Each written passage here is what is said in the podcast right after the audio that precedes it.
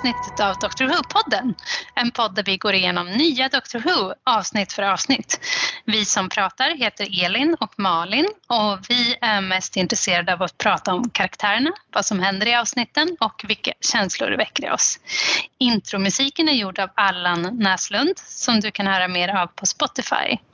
Och nu är vi framme vid det femte avsnittet i säsong ett av nya Who och det heter World War 3. Yes, härligt! Eh, Mm. ja, ja, då ska jag sammanfatta det då. Ja, Ja, det femte avsnittet av säsong ett heter alltså World War 3 som Malin precis sa. Och det är en fortsättning av ett tvådelat avsnitt som där det första hette Aliens of London och det pratade vi om förra gången.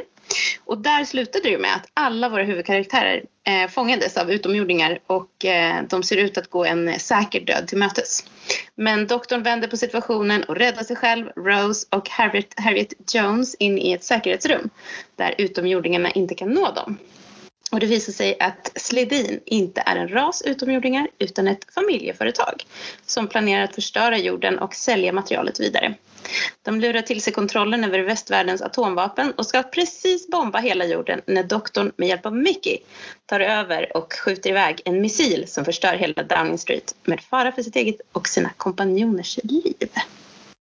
Det är eh, min sammanfattning av avsnittet och ni hör ju vad spännande det är. Eh, Det var hög, eh, liksom, eh, mycket action Mm. i det här avsnittet och ganska spännande faktiskt, tyckte jag. Ja, men det är verkligen, det är liksom ett högt tempo, mycket puls och eh, många så här svåra beslut, Ja, tycker jag. Mm.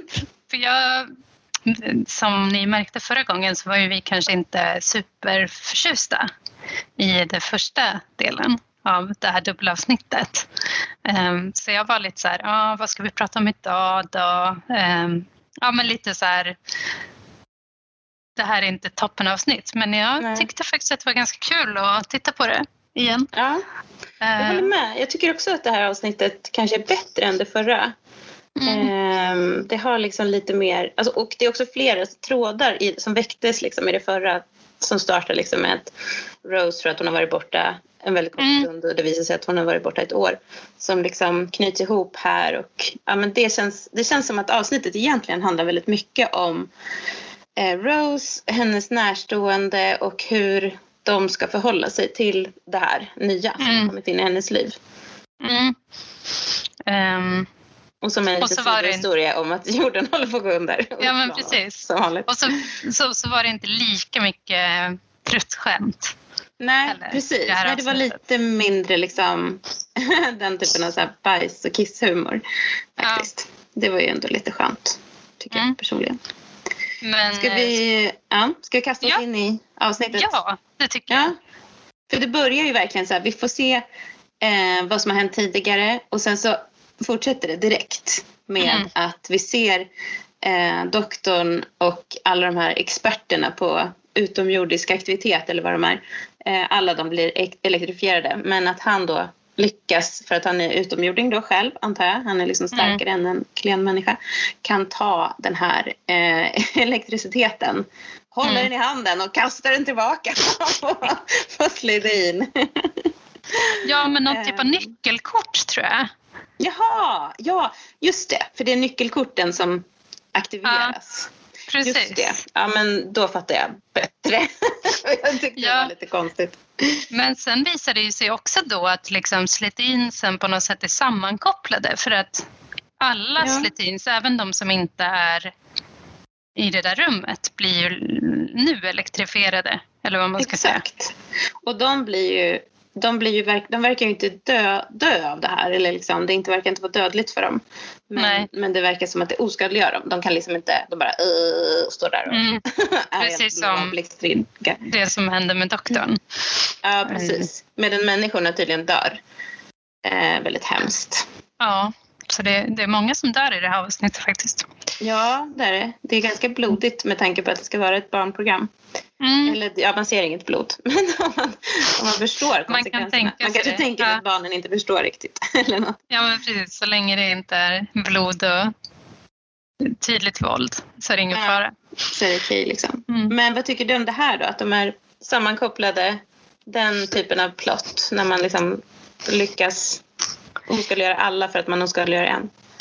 Alltså, man fattar ju inte riktigt hur det hänger ihop. Eller det är ju liksom plot convenient. Det passar Mm. bra. För att det såg ju väldigt illa ut för Jackie också, som vi snart ska eh, till hennes lägenhet. Där var det ju en Sledin som var på väg att eh, döda henne också. Eh, och, och även det pausas ju. Men liksom hur är den man först, jag förstår inte, de ger ju ingen förklaring till det heller. Man ska ju bara köpa Nej. det. Man bara köper det liksom. Ja, det, Mm. känns, det känns lite väl enkelt kanske. Men eh, Mm. det är ju ändå skönt att det händer så att de får en chans att eh, rymma. Men den här Mm. stackars assistenten, Indra, han verkar ju dö. Han blir död. Ja, alltså Indra Innan var ju en av mina favoriter i förra avsnittet. Tyckte väldigt mycket om honom, även om han Ja. gick mot eh, Harriet. Harriet. Men man hade velat se honom igen. Ja. återkommande eh, assistent kanske. Men eh, så blev det inte. Nej. Tyvärr. Men eh, ja, då ser vi här att eh, vi ser också då, om vi går över till Jackie då, så Mm. sitter ju hon liksom, hon är helt förstenad av rädsla i, i hörnet i, kö, i sitt kök och så kommer Mickey till henne. Man vet inte riktigt varför han kommer. Han kanske bara ska prata med henne eller något om allt det här om att hon har spritt lögner och rykten om att han är en mördare. Ja. Eh, men han, eh, alltså han är ju så bra i det här avsnittet. Jag älskar Mickey i det här avsnittet. Så Mm. han tar ju typ en stol och, och kastar den i huvudet på den här utomjordingen och så grabbar han tag i, i Jackie och, och springer iväg med henne. Men stannar och tar en bild också. Ja, Det är ju ändå eh, snabbtänkt gjort. väldigt handlingskraftig. Han går från Mickey the Idiot, som vi doktorn kallar honom, till Mm. Mickey the Hero, typ. Ja, precis.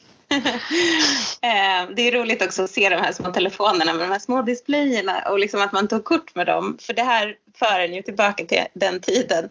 Jag har till och med en, ett album på Facebook som heter så här, eh, Prag by phone där jag har liksom tagit Aha. hela albumet bygger på sådana bilder. Jag har Oskarpa. tagit bilder med min telefon. Men det var nog en lite bättre eh, telefon för det var någon så här, det skulle vara så här en fototelefon som var från Ericsson men den hade ju en sån här liten halvskärm liksom. Ja, just det. så det är inte kul. Jag har Ja. inga mm, bilder kvar från den tiden, på, alltså de bilderna man tog. Nej. Tyvärr. Men det känns ju Nej. inte ens som att det är bilder. Alltså de Nej. är så himla små. Jag kommer ihåg att jag såg en serie som hette Ah, vad heter den där? Skins. Har du sett den? Ja, just det. Som är Ja. lite så föregång- en brittisk serie också som är föregångare lite grann till Skam. Eller den, Mm. Skam är väldigt inspirerad av den. Och då Mm. håller de också på, det är också i början av 2000-talet. Och så sitter, alltså är i början så sitter en kille och tittar på så bilder på en tjej i den här Mm. telefonen. Och man känner så att det där är bara ikoner liksom. Det är så himla Mm. smått. Men det, min eh, dotter har en sån här eh, mobilklocka och den kan man ta så, exakt sådana bilder med. Mm. Eh, så det är ganska roligt. Det är lite som en, så här, eh, eh, ja, men en påminnelse om vilken typ av bilder man kunde ta då. Men, Men det jag- inte bättre upplösning på den va? Nej, inte direkt faktiskt. Oj. Eh, men den är inte, alltså syftet med den där mobilklockan är ju inte att det ska vara en kamera. Nej. Även om det är roligt att ha som en bakgrundsbild. Alltså det är exakt samma grej. Man tog ju bilder för att, då, för att kunna ha bakgrund på sin egen skärm och Ja, ja precis. Mm. kunde ha typ fem innan det var fullt i minnet. Ja, ja, precis. Men han lyckas i alla fall fånga en slidin på bild. Mm. Syns nästan är. Bevis för att utomjordingar finns kanske. Mm. Det kommer att bli. Det får vi väl se. Men eh, vi ser också hur doktorn samtidigt är på Downing Street och springer ner till den här, ska vi kalla dem, jag, kallar dem för, jag känner att så här, det är en insatsstyrka, jag vet inte vad vi sa i förra avsnittet. Men Mm. är de soldater då eller vad är de? Ja, alltså, ja men precis. Det är väl någon slags eh, soldater som kommer vid kris. Ja men insatsstyrka tror jag exakt. Det är vad de är. De är ju inte de där, eh, eh, vad heter det, de som eh, eh, de här utomjordingsexperterna för de är ju döda allihop. Precis, de är borta precis. Mm. Men i alla fall, han springer ner till dem och eh, säger liksom Ville ni ha aliens så följ med mig typ. Och de bara yes, Mm. vi springer med här. Och nu känner man ju så här, nu är det här problemet löst. Men Mm. samtidigt ser vi då hur utomjordingen som eh, den här, han som fortfarande är i sin kropp som är pre premiärminister. Han lyckas Mm. ta, ta bort det här nyckelkortet då som, där, som elektrifierar sin, hans eh, bror, eller vad det är. Och eh, ja, så de får bort den här elektrifieringen. Mm. Ehm, och sen så är de så här, åh jag måste klä på mig. Och så ska den ena hjälpa den andra. Och så här, det är som en så här förskolepedagog som står med så här en overall till ett Mm. förskolebarn. Eller jag tänkte du, jag bara kände så här, åh nej hur ska de hinna? Och han ställer sig där framför honom och hukar sig och bara, kliv i här. Ja, det, är ju, de- det finns fortfarande kvar lite av de här eh, humorinslagen med de här. Eh, faktiskt. Eller ja. Ja, ja men det gör det. Och det här tycker jag är ganska kul. Tyck, eller Mm. jag tyckte det i alla fall. Eh, Mm. Att det var lite så löjligt på något sätt. Men då hinner ju de det här i tid. Eh, så att eh, det vänder sig ju eh, Mot mot, doktorn. doktorn. Så när han kommer upp då är de påklädda och säger att allt var doktorns fel. Att det var han som gjorde det här. Mm. Ehm, och här trodde jag liksom att doktorn kanske skulle använda sitt psychic paper. Och ta Just fram och vara så här, jag är någonting som är överordnat den här Mm. tillfälliga premiärministern. Men det gör han inte utan det är fort, det, nu är det också lite humor att han är så här, eh, det funkar inte om jag säger att premiärministern är en utomjording in disguise. och den andra chefen för insatsstyrkan eller vad han nu är, det kanske är någon Mm. annan. Han bara, eh, no. så det är ganska roligt tycker jag. Ja. Så då springer han. Mm. Mm. Precis, och han blir ju liksom, man förstår att det inte kommer gå bra för doktorn. Eller han blir omringad av, ehm, av eh, soldater helt enkelt. Samtidigt som Ja. Rose och Harriet också blir jagade genom Ja, eller Downing Street. precis. Det är väldigt eh, Scooby-Doo-känsla här. Mina barn brukar ofta kolla på Scooby-Doo. Och Mm. där springer de ju väldigt mycket. Man ser dem springa åt ena hållet. Och så börjar de jaga det. Och sen springer de åt andra hållet. Ja, just det. så Ja, men där. så är det mycket i det här avsnittet faktiskt. ja. Ehm, man ser, jag tycker också att de där eh, utomjordingarna är lite smidigare än vad man trodde när de springer. Ja, jag tyckte faktiskt, jag blev överraskad för jag var så, som sagt jag var ju inte så imponerad av förra avsnittet och var ganska eh, negativ till allt som har med de här slutins att göra men jag tyckte nu när jag såg det, alltså de är ganska läskiga när de springer.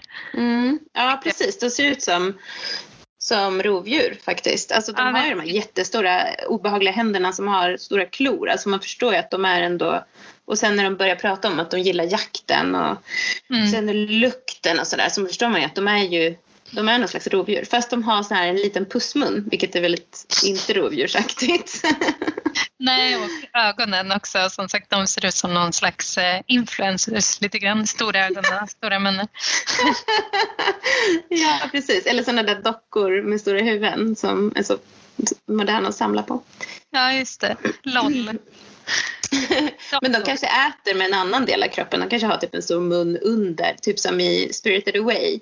Den där monstret som har en mask. Han Just äter ju, han har ju en, stor mun under. Det är jätteläskigt. Så det vet man inte. Väldigt Ja. obehagligt. Men Ja. vi får inte se dem göra något sånt i det här. För de har kanske inte tid. De ska ju ändå eh, liksom ta över jorden. Det är väl det de med. Precis. Eller vad deras plan nu är. Exakt. Mm. Ehm, ja, men vi ser ju doktorn omringas av de här, den här insatsstyrkan och eh, förstår att det är obehagligt för honom för han tycker verkligen inte om skjutvapen. Har vi fått veta det? Har vi pratat om det? Ja, det har vi. Ja, Det har vi pratat om. Precis. Vi, vi kan han- återkomma till det lite senare. För just det här med skjutvapen i det här avsnittet. Han gör ju lite konstiga saker kopplat till det faktiskt. Eller Mm. Ja, det kan vi prata om. Men Mm. han, eh, står ju, han liksom tar sig ju ur den här knipan genom att han står vid en hiss. Precis. Och den öppnar sig och eh, den här överbefälhavaren kommer ju ner och säger så här. Jag beordrar, eller jag, jag ger tillstånd att skjuta den här mannen, alltså avrätta honom på plats. Vilket känns väldigt konstigt och odemokratiskt eftersom han är obeväpnad och håller upp händerna. Mm. Men eh, eh, så då förstår man ju att de här, det kanske är så, för att man känner ju att de här soldaterna hade ju kunnat skjuta honom hur snabbt som helst när de här hissdörrarna innan de gick igen. Jag menar så lång tid tar det ju faktiskt inte för en person Nej. att hoppa in. Eller det tar ju lite tid menar jag. Det tar inte så lång tid att skjuta någon antar jag. Men de kanske tvekar för att de tycker att det verkar konstigt. Ja, någonting. Ja, precis. Eller så vill de bara att vi ska få det här roliga skämtet kring att... Eh, ja, Att han är så smart att han hoppar in i... ja, men precis. jag gillar det.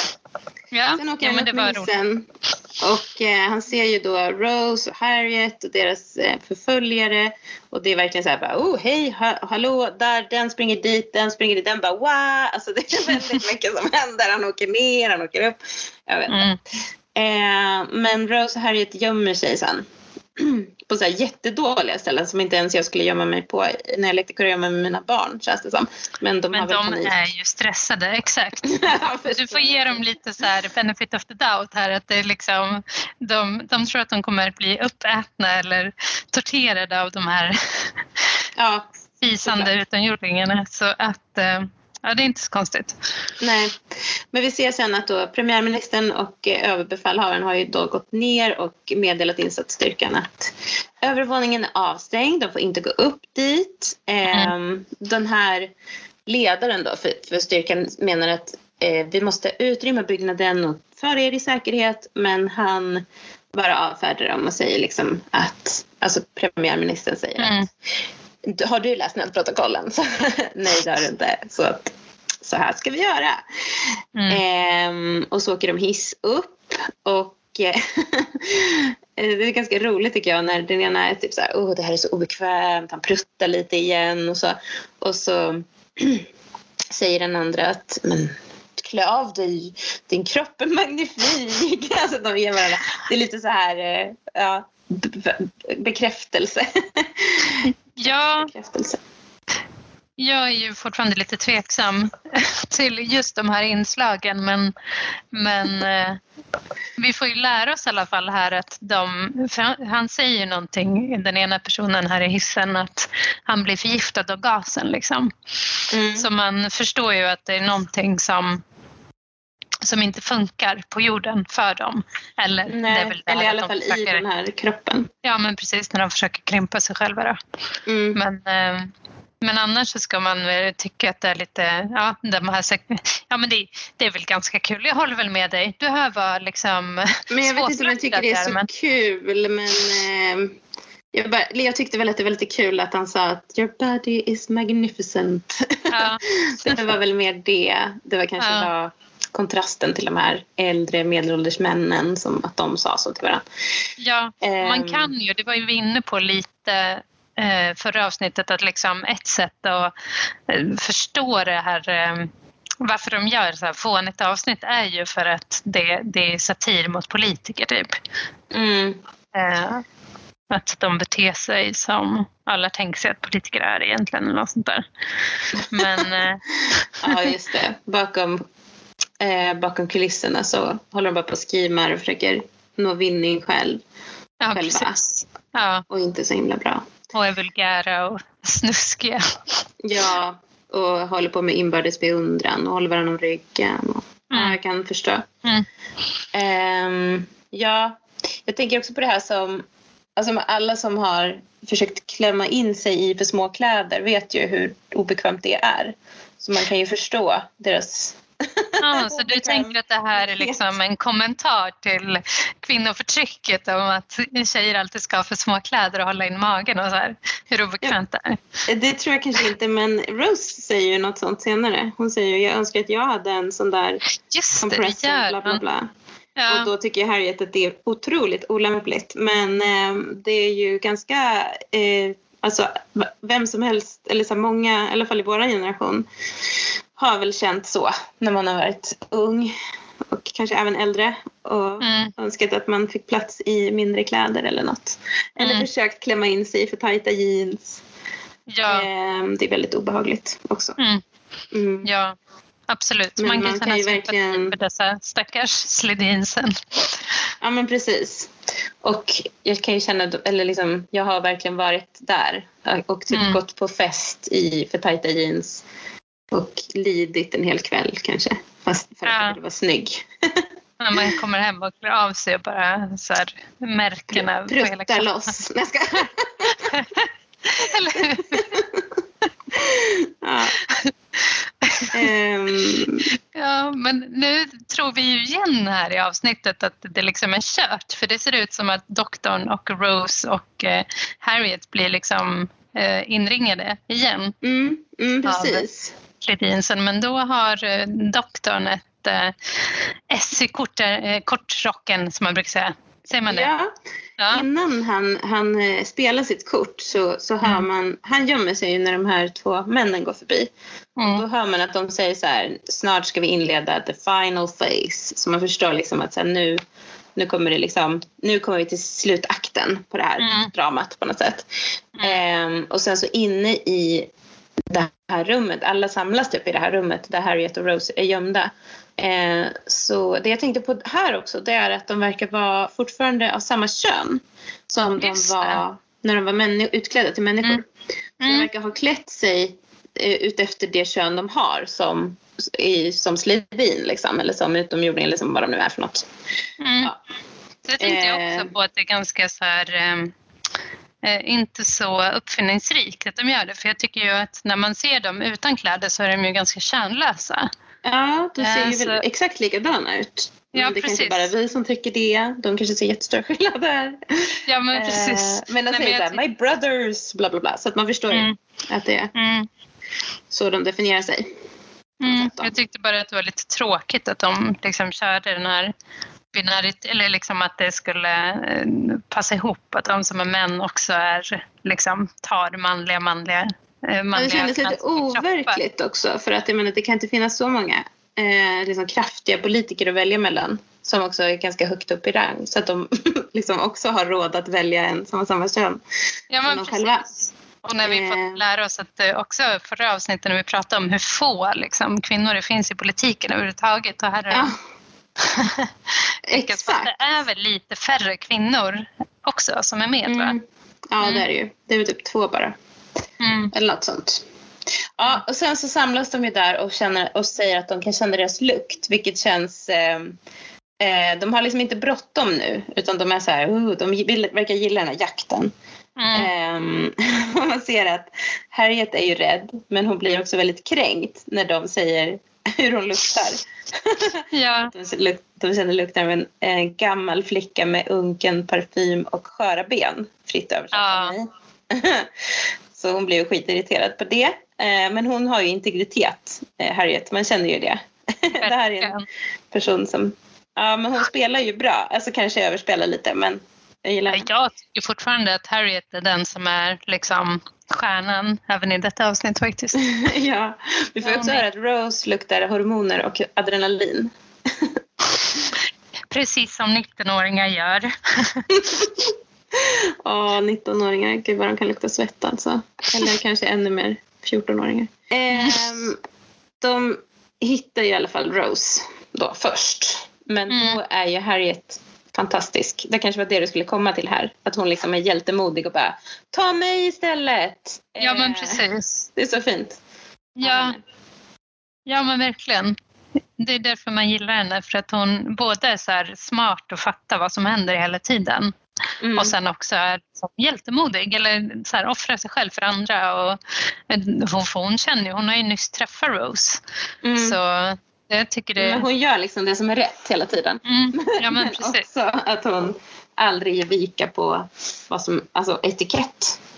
Ja, men precis. Det är, Det är roligt, det är kommer ju roligt när de står Ja precis, vi kommer dit. Mm. Men det är då doktorn kommer då Mm, och sprutar brandskum på dem på allihopa. just Och det är också härligt att han, in, det är just typiskt han, typiskt doktorn då, att komma in och göra någonting ofarligt som inte är farligt för de här varelserna Mm, eh, innan han vet eh, hur pass onda de är, går att prata med dem och så. Så mm, vill han ju inte skada dem eh, helst. Om man inte är tvungen. Och, eh, så då, och då reagerar ju Rose med att kasta gardinen över huvudet på den som är närmast så att de kan fly. Eh, och det är ju skönt. Ja, men det är väldigt barnprogrammigt också. Mm. Alltså så här, vi, vi sprutar lite brandskum och sen, sen flyr vi. Ja, jag har ju fortfarande kvar den här Scooby-Doo-referensen i huvudet som du nyss sa. Det här känns också ganska Scooby-Dooigt egentligen. Mm. Och liksom spruta lite brandskum, slänga en gardin på någon. ja, ja, men verkligen. Alltså det är också för alla er Buffy-fans så är det ju också väldigt Buffy. Att man liksom så här, kanske så här kastar en, man tar en soptunna över någons huvud eller så här, lägger en dörr på tre vampyrer och de bara ah, kan vi inte ta sig därifrån fast de alldeles nyss var jättestarka. Um, ja, kul. Mm. Men eh, här är inga vampyrer utan här då så springer de och samtidigt så är det ju roligt för alltså nu blir det så bra dialog. Alltså jätte, jättebra dialog från, från här känner jag. Eh, mm. Doktorn och Harriet presenterar sig för varandra. Man känner att det blir så bra kemi mellan dem direkt. Mm. Och de springer mot kabinettrummet och Harriet säger att nödprotokollen är där och det gillar ju doktorn. Och, eh, och hon har ju liksom full koll på vad som är viktigt i den här nödsituationen. Eh, och de kommer in där. Men utomjordingarna är ju hack i häl och doktorn tar en flaska alkohol och säger att han ska få den att explodera med sin Sonic Screwdriver så han bluffar ju då mm. för att få lite tid att prata med dem och ta reda på vad det är de vill egentligen. Mm. Um, ja, och um, nu försöker, då säger han så här, ja men han ska väl förhöra dem då. Så de står på varsin sida om den här dörröppningen och doktorn börjar fråga ut Sledin men blir hela tiden avbruten av Harriet som är så här, vadå? Vad menar du? Jag försöker liksom förstå vad som händer. Uh. Um, men nu får vi ju veta då att uh, Sledin är deras efternamn. Mm. Och att de har en familjefirma typ. Precis. Och, Vad känner doktorn, du för det? Um, ja men eh, det är roligt att doktorn drar slutledningen då att det, de är där för att exploatera jorden, vilket de ju är. Ja. um, nej men det känns väl väldigt eh, också Doctor Who att de kritiserar företag som kommer och exploaterar utan att bry sig om att det, kommer, att, att det kostar människoliv. Och mm. de tycker liksom att det viktiga är att tjäna pengar och få vinst och sådär. Mm. Så det känns också väldigt eh, typiskt. Vad tycker du? Ja, jo men lite mm, kapitalismkritik eh, kan man ju alltid uppskatta tycker jag. Mm. Men då börjar ju de eh, att genomskåda doktorns bluff och känner mm. att vänta vad var det du sa? Skulle du få den där vad skulle du göra med den där egentligen? och eh, doktorn inser att det är kört. Eller liksom att det här mm. kommer inte gå vidare. Så då, ska då säger han så här. Då ger han flaskan till Harriet och så säger han ta den här. Du kommer behöva den. och hon är så här utan att kasta en blick på bara, du, du börjar till vänster. hon håller på etiketten. Du, du måste börja bjuda till vänster. Ja, alltså det är det som jag funderar lite på det att det liksom, å ena sidan kan man ju tolka det som extremt liksom att hon är så här, jag tänker inte låta någon eh, göra någonting utan att jag lägger ett finger i det. Eller liksom, liksom kontrollbehov så. Eh, kan man ju tolka det som. Å andra sidan kan man också tolka det som att hon bryr sig om etikett som du säger. Men man skulle ju också kunna läsa det som att hon egentligen tycker, har märkt att Rose verkligen behöver Mm. Eh, dricka något starkt och att eh, det är viktigt att eh, liksom, hon är beskyddande över henne och påpekar det på det sättet istället. Mm. Mm. Så det finns lite olika sätt. Och, men, men hon är ju absolut en person som vill göra det på rätt sätt. Allt på mm. rätt sätt. Liksom. Ja, hon kanske tycker det är ohyfsat av doktorn att bjuda eh, åt fel håll. För hon kanske tänker att Rose kommer ta illa upp eller någonting.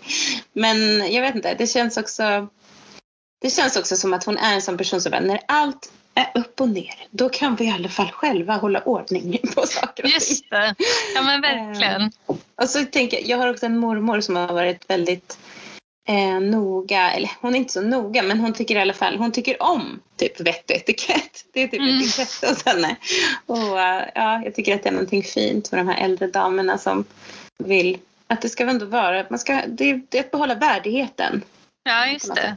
Mm. Ja, ja, men så... Ja. Um, hon är verkligen värdig, Harriet. Det kan man ju säga. Ja, verkligen. Och doktorn accepterar det och säger oh, oh right, sorry. Typ. Han följer hennes eh, väg. Um, men nu, får, nu det känns kört, men man ser nu på doktorns ansikte, han får ett så här brett leende igen, så han har kommit på någonting igen. Jag vet inte om han mm. har tänkt på det från början, men han börjar då berätta om eh, det här kabinettrummets historia. Mm. Eh, liksom. Vet du om det här har någon um, sanning? Eh, nej, jag bara köper det rakt av. Ja. Så måste det vara, tänker jag. Jag tycker också det låter bra. Jag har inte kollat upp det heller. Men eh, det, vi, loss, vi köper det bara. Det får vara. Mm.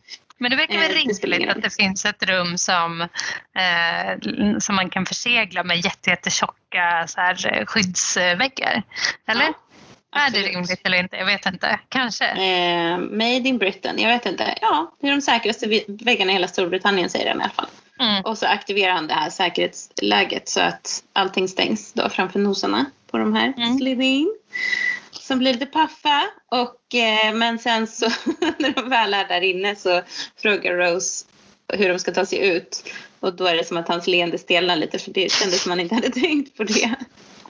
Men det är också ganska likt doktorn, eller liksom att han, han tänker snabbt men inte alltid hela vägen.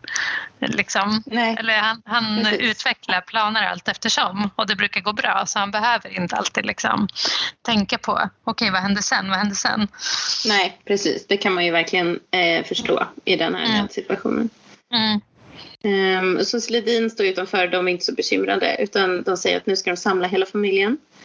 Eh, vilket leder till att eh, en massa av de lite kraftigare politikerna i landet börjar anlända till eh, Downing Street.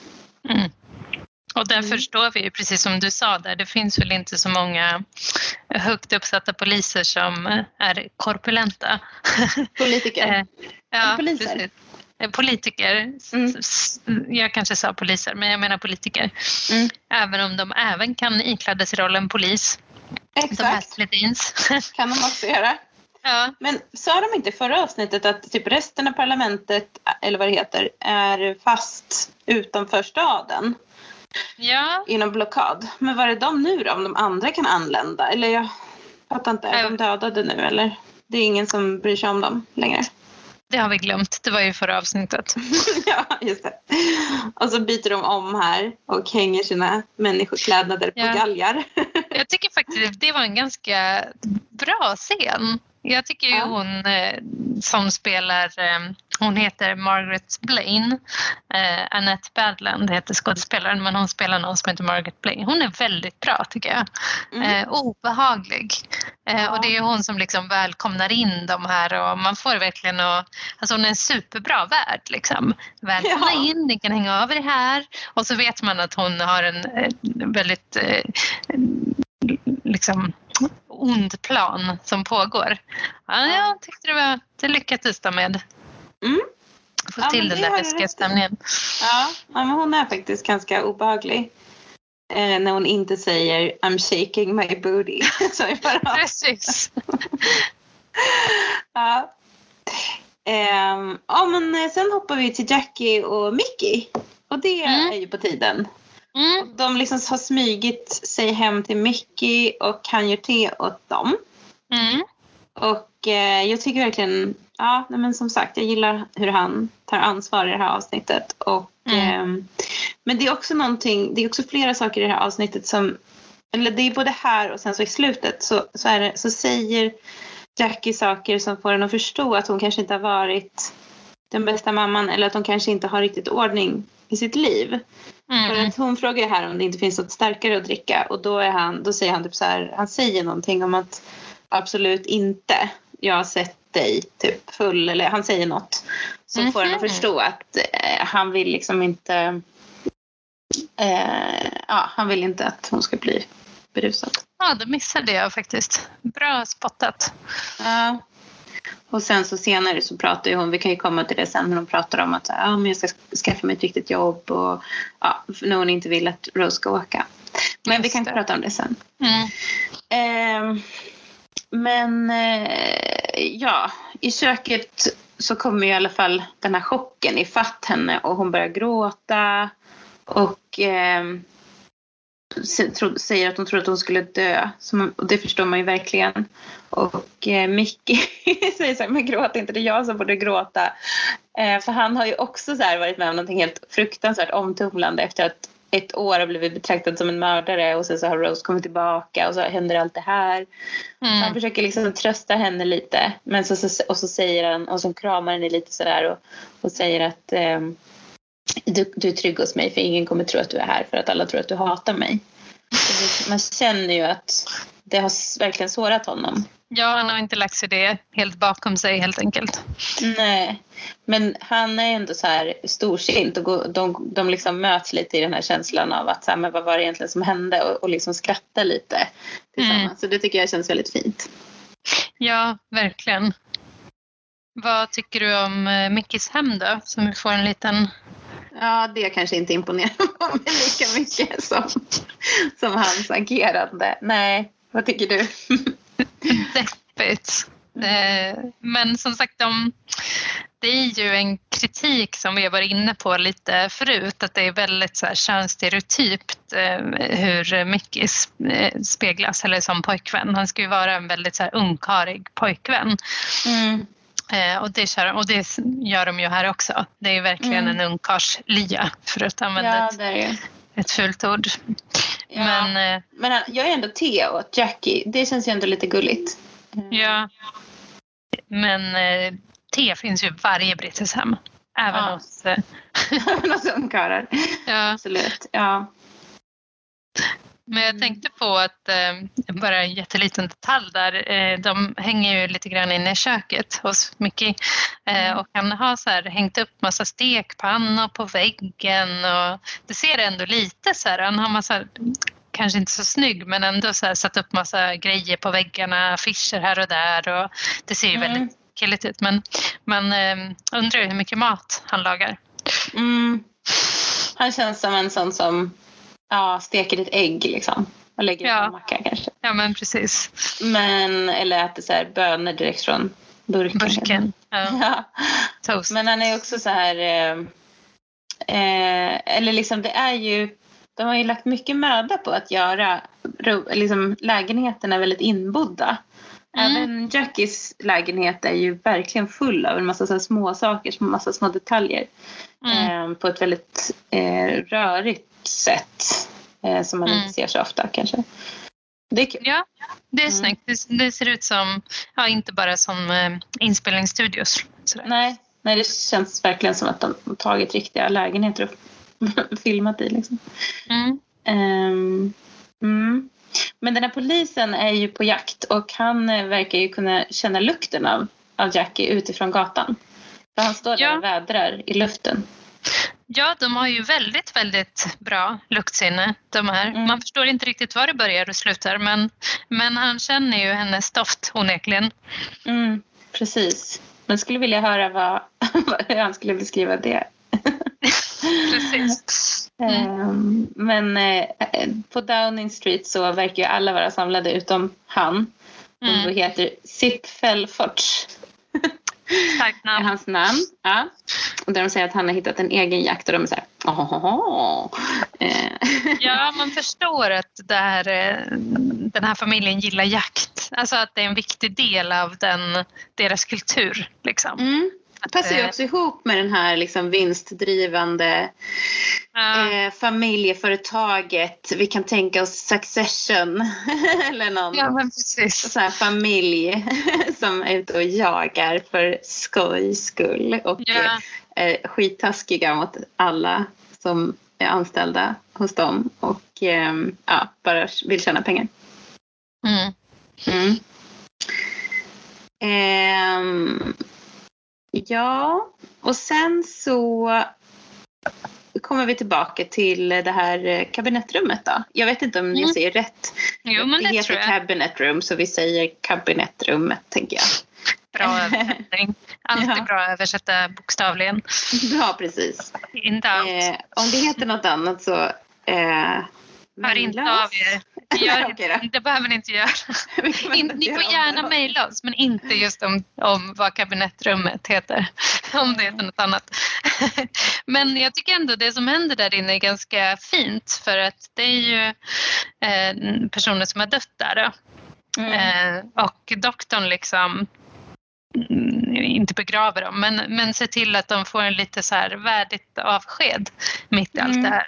Det tycker jag. Precis. Han, ändå, han hedrar ändå honom och mm. visar sorg över att han var tvungen att dö.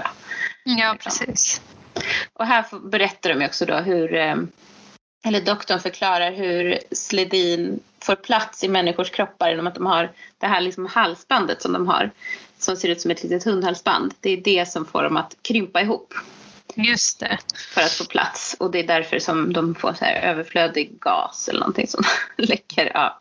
Mm. Super scientific. Um, och det är då Rose säger att hon önskar att hon hade ett sånt som kunde få plats i en storlek mindre. Och då säger Harriet åt henne att det är på skarpen. Att det här är inget att skämta om.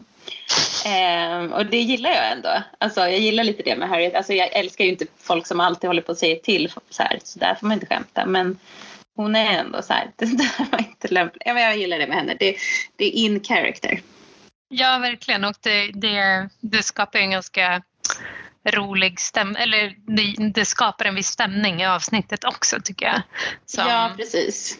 Att hon blir lite indignerad hela tiden. Hon, mm. hon kallar ju också sen Rose för en a very violent young woman. När Rose tycker att de kanske kan skicka en atombomb på de här Slevin. Ja. Mm, det är jättekul. Um, och doktorn säger också att han har hört hennes namn förut. För han gillar ju henne, han tycker att hon är mm. smart, hon kommer på bra grejer. Och så säger han mm. Eh, Harriet Jones, Harriet, är du säker på att du inte är känd för någonting? Och hon verkligen mm. fnyser och säger att det är hon inte. Hon kallar sig för eh, backbencher. Mm, vi pratade ju lite om det förra avsnittet, att det är en Precis. sån här eh, eh, person som aldrig får ett officiellt uppdrag utan bara hänger på på något sätt. I... Ja, det kanske, jag, det kanske vi gjorde, det har jag glömt bort. Eh, men jag försökte låtsas som att jag kommer ihåg det, men nu erkänner jag jag, jag hade glömt det.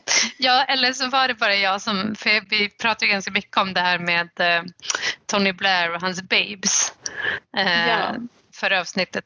För mm. hon säger ju även där att, eh, att hon, är, hon är inte en av Blairs babe, hon är bara en backbencher.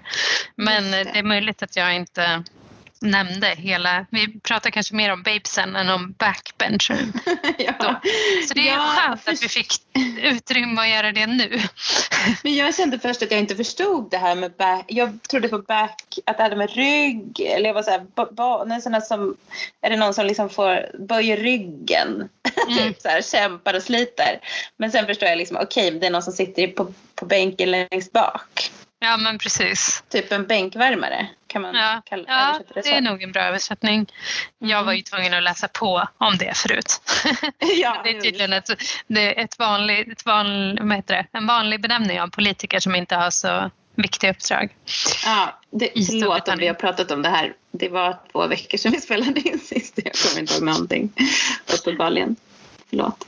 Men eh, eh hon, hon kallar sig det flera gånger och mm. inte, känner inte, alltså hon är en sån som tar sitt uppdrag på stort allvar men hon har ingen så här, eh, hon verkar inte ha något ego eh, eller liksom hon, hon ser inte sig själv som en viktig person. Liksom. Nej, utan hon är mer en så här, eh, gör sin plikt, gör det som ja. krävs i varje, varje stund. Tycker jag. Precis.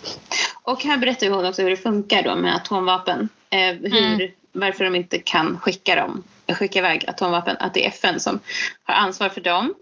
Mm. Eh, så det får vi veta. Det kommer ju ha betydelse sen. Och eh, doktorn börjar fundera på så här, ha, att, eller Sledin måste vara ute efter någon resurs på jorden och de börjar liksom kasta fram förslag.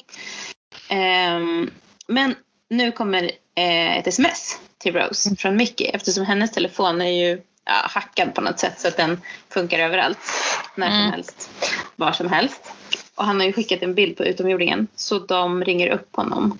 Och doktorn är ju först väldigt avfärdande och säger så här, säg åt din pojkvän att det inte har tid med honom nu. Men det visar sig att de har ju viktiga saker att berätta och det är bra att de får den här telefonkontakten med tanke på vad som händer. Eh, och doktorn fortsätter ju vara så här dum och använda härskarteknik och kallar honom Mickey the Idiot och det är verkligen inte kul. Jag kan inte Nej. förstå varför man skulle vara så taskig mot någon. Eh, det är en sak att han är så här Ricky. Det är ju det är härskarteknik, det är jätteotrevligt. Mm. Men, sen, men det är så upp, det är, så, jag vet inte, det är liksom att gå över gränsen och säga Mickey the Idiot. Det är Ja, så himla konstigt. ja. Man Jag fattar inte varför de har skrivit in det i, i hans som en replik. Nej, och det är ju... Nej, och det, han gör ju flera konstiga saker i det här avsnittet, doktorn, som är just Mm. kopplat till hans här karaktär. Alltså varför... Ja, men varför får han kalla honom... Varför, det är ju inte heller lik doktorn, tycker jag, från andra. Så han är inte en Nej. dryg person som liksom är ute efter att mm, göra... Ja, men, prata ner andra liksom, eller få dem att må så dåligt av sig själva. Så det är Nej. jättekonstigt tycker jag. Men Det det, ska väl läsas något här eh, roligt. mått- Ja, just det. Man känner att vi ska alla skratta åt Mickey för han är så dum typ. Mm. Men istället känner man så här, han har lidit jättemycket under ett års tid och Mm. liksom burit det här, den här hemligheten. Och nu ska Mm. doktorn fortsätta trycka ner honom. Det känns inte så kul. Nej, dumt. Mm. Men eh, nu får han ändå användning då för Mickey. För att de går in på, han får honom att sätta sig vid datorn. Eh, och gå in på Units hemsida. Eller hur? Visst är det där de går in? Ja, precis. Och Unity var ju den här eh, special, eh, eh, specialstyrkan som har koll på utomjordiska aktiviteter. Ja, precis. Som nu är Och, döda allihopa. Men deras hemsida lever vidare. Ja, men är de det? De är nog inte det är nog inte de som är döda. Det är nog andra experter. Jag tror Unity är någon hemlig eh, samling, eller? Nej, de kanske Ah, inte nej, men jag de pratade om det på tvn förut. Ja, jag tolkar det som att det var Unit som de samlade i ett rum. Men det kanske bara vissa personer Ah, bara. Det kanske det var. Mm. Eh, om man får köra en spoiler, alltså spoiler, spoiler om Unit, om ni är jättekänsliga så kommer ju Unit senare. Så de, de, de är inte helt utraderade i alla fall. Nej, precis. Nej. Men i alla fall, då så um, ska de hacka sig in på den här sidan och då är den lösenordet som överskriver alla andra lösenord och alla andra protokoll eller någonting vad det nu heter. Det är då eh, Buffalo. Mycket svårt att förstå. Men jag vet inte, alltså, det är så här, dels är det ju fånigt, någon så här, ett lösenord som funkar överallt och det är en, alltså, som vi förstår, en hemsida som är ganska, man kan göra rätt mycket när man är inne på den hemsidan. Eh, Verkligen, man kan klicka på en missil och bara skjuta iväg den. Ja men precis. Ja. Men också, jag vet inte, alltså nu idag så är det ju ingen som skulle ha Alltså inte ens eh, vanliga dödliga som du och jag har väl bara ett ord sådär, buffalo, Nej. som lösenord. Utan det blir liksom buffalo 1, 2, 3 utropstecken. ja, Mm. sånt. Mm. Eh, Men det kanske var så 2005 redan. Ja, absolut. Tror du? FN gömde sina... Nej men det var ju verkligen en annan tid för lösenord. Ja, Eh, ja. Det hade varit kul om det var typ så här, Spring eh, 2005. Precis. det vanligaste lösenordet kanske. Ja. Men eh, jag vet inte varför det är just Buffalo. Vad, har det någon undergömd betydelse? Har du sökt Nej, jag har faktiskt inte läst någonting om det. Utan det har bara Nej. pratats om eh, de som har skrivit och pratat om det här avsnittet i olika poddar och hemsidor. Att de tycker att det är väldigt löjesväckande liksom. Eller fånigt. Och nu säger, vi, nu säger vi samma sak. Ja, Ja, det är ju så konstigt. det är ju det. Det är ganska löjligt. Och, eh, Mm. Men det är väl så, alltså, om man tittar liksom på hacker eh, serier och eller inte, så här, filmer och serier som handlar om att någon hackar någonting från den här tiden så är det ju verkligen så det är. Och typ att alla sidor låter så här blip, blip, blip, blip, när de kommer upp. Mm. Och Mm. att det kanske så här, är en liten så här eh, eh, mätare som visar typ så här hacking 80 procent eller ja, så. Så det, Ja, det passar väl ihop precis. Ja, Men så tycker jag också att det är lite, ja men precis, men jag tycker också att alltså mycket i det här avsnittet är lite så här, det löser sig väldigt enkelt. Det, det, ja men bara att man, ja vi går in på en hemsida, nu firar vi av en missil. Eh, alltså, Precis. Förlåt. ja, Men också så här, ja, men hur, de, de ställer ju inte ens in var den här missilen ska landa. De bara skjuter iväg, de bara klickar på den och bara plipp. ja, men den åker landa direkt till till Downing. ställe? Ja. Ja, nej, det är väldigt mycket plot här. Men ehm, det som är viktigt här då, det är kanske då istället att Jackie tar över telefonen och börjar liksom prata om allting hemskt som har hänt sen doktorn kom in i deras liv och eh, säger liksom att jag vill bara fråga dig en sak. Är min dotter trygg med dig? Är hon säker Mm. med dig? Och då stirrar han väldigt, väldigt allvarligt ehm, på Rose. Rose och han, Rose och doktorn stirrar väldigt allvarligt på varandra och han kan inte svara. Mm, Och här tänkte jag liksom att det här kanske handlar om att han nu börjar förstå att eh, Rose har en familj och att det kommer ha betydelse och han kanske inte kan göra hur som helst och bla bla bla. Man har ju förstått tidigare att han ändå har tänker på att hon är i hans han är ansvarig för henne. Men, mm, men nu, nu tror jag att det han tänker på här det är väl att det enda lösningen han kan komma på det är den som potentiellt kommer att döda Rose. mm, Och det är därför han inte kan svara för han tänker precis på någonting som inte alls är tryggt och säkert för henne. mm. Ja, det är en ganska allvarlig stund faktiskt. Jag, jag, det finns några eh, sådana stunder i det här avsnittet som jag tycker är så här, ja men här känns det liksom. Och det här är verkligen Mm. ett av dem. Där Mm. man är så här, nej, du är inte eh, säker hos mig. Nej. Men Micke avbryter dem för att han är inne på den här Mm. webbsidan. Och ehm, doktorn vet på något sätt precis hur den ser ut. och för, förstår vad han ska klicka. Och Mm. där finns en signal som de kan lyssna på. Som Mm. eh, doktorn ska försöka lyssna av. Ehm, och det är ju den här reklamen då. som är typ som ett banner eller som en radioreklam som bara allting är eh, extrapris på jorden. Kom rymden. Ja. Ehm, och sen så ringer det på dörren också samtidigt. Men eh, det är ingen som tänker på det för att fast det är tre på morgonen. Eh, för alla är så distraherade av den här, de förstår inte faran. Nej, Så Jackie går och öppnar och där utanför står den där polisen. läskigt läge. Väldigt läskigt. Så hon smäller igen dörren, låser inte av någon konstig. Nej, Eh, det hade varit bra om man hade gjort. Eh, och nu eh, tar Micke då ett baseballträ att Mm. Jackie. Och har också kvar här, telefonen tryckt mot axeln på något sätt så han liksom kan hålla kvar kontakten. Mm.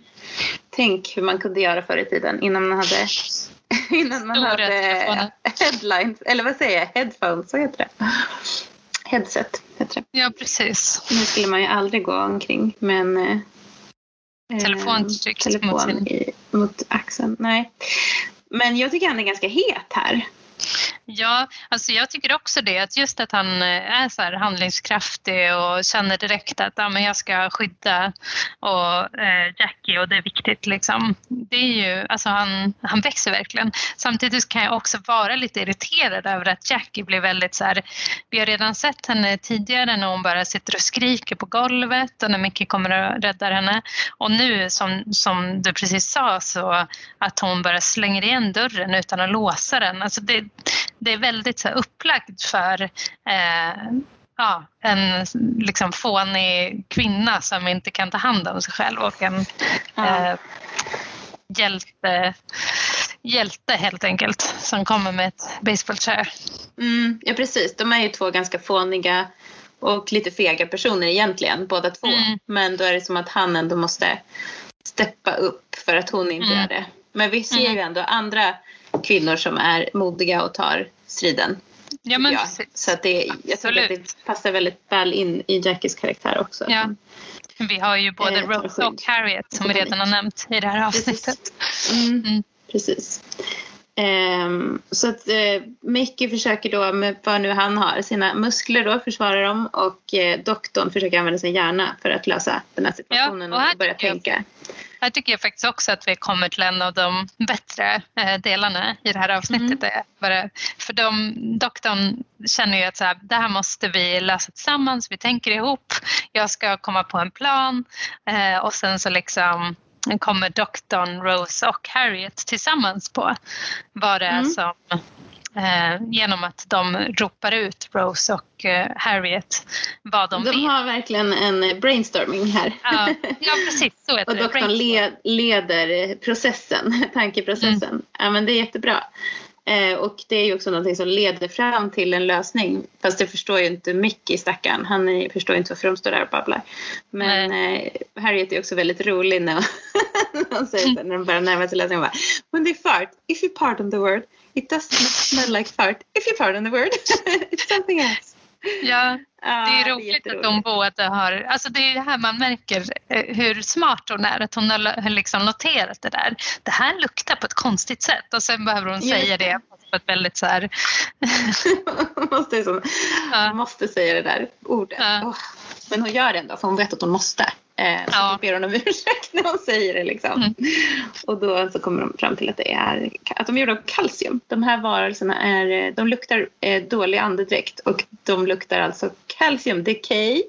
mm, eh, vilket då betyder att de är gjorda av kalcium och då måste det vara just den där planeten som är jättesvår att uttala som, som han, doktorn då säger.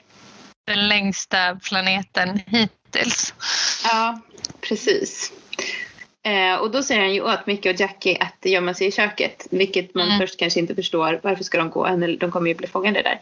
Men det har ju en, en, det var ju bra att han sa just köket och inte badrummet till exempel. Att det är Precis. där de kan hitta vinäger. Och väldigt bra också att det här är en gammaldags lägenhet med en dörr till köket. Dagens moderna lägenheter där man har en, en, ett kök och en, ett vardagsrum i ett hade inte Skulle inte fungerat. funkat. Nej. Då skulle de vara fast på en gång. Jag sitter här i mitt kök med inte, mer än, eller inte mindre än två dörrar som man kan stänga till. Så- Precis, du har ett sånt bra kök. Ja, men precis. 60-talshus. Ja, du skulle också Mm. kunna klara det i ditt kök. Eh, nej, jag har ju ingen dörr till köket. Är det inte det? Nej. Aha, man går rakt in bara där. Ja, det får ni sätta upp. Det, Det, kan hade ju... varit skönt, underbart skönt att kunna stänga Ja. dörren när barnen håller på och, och ha LAN i vardagsrummet. Så man slipper Ja. höra dem. För nästa gång det kommer slitins från Raxacoricofallapatorian planeten så får ni ehm, se till att det finns en dörr att stänga. Verkligen. Men de har en plan här nu ändå. Mm, mm. De kommer på att vinäger kommer funka. Någonting som är så surt då, antar jag.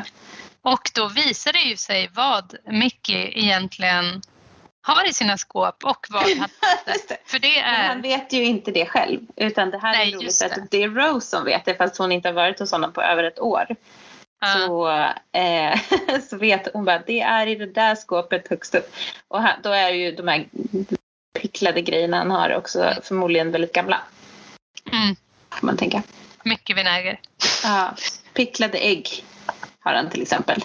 Och picklad lök och gurka. Mm. Det känns ju helt okej. Men picklade ägg eh, Inte känns okej. inte okej. Det känns väldigt konstigt. Jag har Varför aldrig har- ätit picklat ägg. Fast det kanske är en grej i Storbritannien, jag vet inte. Pickled eggs. Kanske. Ja. Eh, Men eh, det doktorn kanske är en säger ju- delikatess. Det Ja, kanske men kommer bli precis. sån här jättetrendig hipstermat. Ja. Fast jag känner ju att doktorn är lite tveksam till dieten som eh, Mickey har. För han säger ju när han får höra vad som finns i det här skåpet så här Do you kiss that man? Till, till Rose. Det är Mm. ganska roligt. För det är väl det som är så här, eller det är ganska roligt men, men som sagt det är ju den där underliggande grejen att det ska vara någon slags rivalitet mellan de två. Mm. Trots att doktorn inte och Rose inte har ett sexuellt förhållande på något sätt så ska det ändå vara att han, doktorn inte gillar mycket på grund av att de är ihop. Det är ju Mm. det som är Precis, undertexten finns som jag var inne på förut. Det är ändå någon slags konkurrens mellan dem. Mm. Men jag lyssnade faktiskt på en podd där de pratade om det där. vad de har för slags relation. Mm. Eh, och då sa de att eh, Christopher Eccleston hade sagt att det är en absolut en stark kärleksrelation eh, relation eller någonting. Och att det var kärlek vid första ögonkastet. Hade han sagt. Jag har inte kollat Mm. upp det här. Men kärlek jag som... försökte googla på det men jag hittade inget. Men alltså kärlek vet inte om med romantisk kärlek eller? Ja, jag tyckte de sa det. Ja, Aha. precis. Men att hon och, men att Billy Piper hade sagt att eh, man inte förstår det utifrån eh, manuset. Så att det fortfarande är en, det är en liksom komplicerad relation men man vet inte riktigt. Mm. Eh, så ja, men jag gillar ju inte det. Verkligen inte. Nej.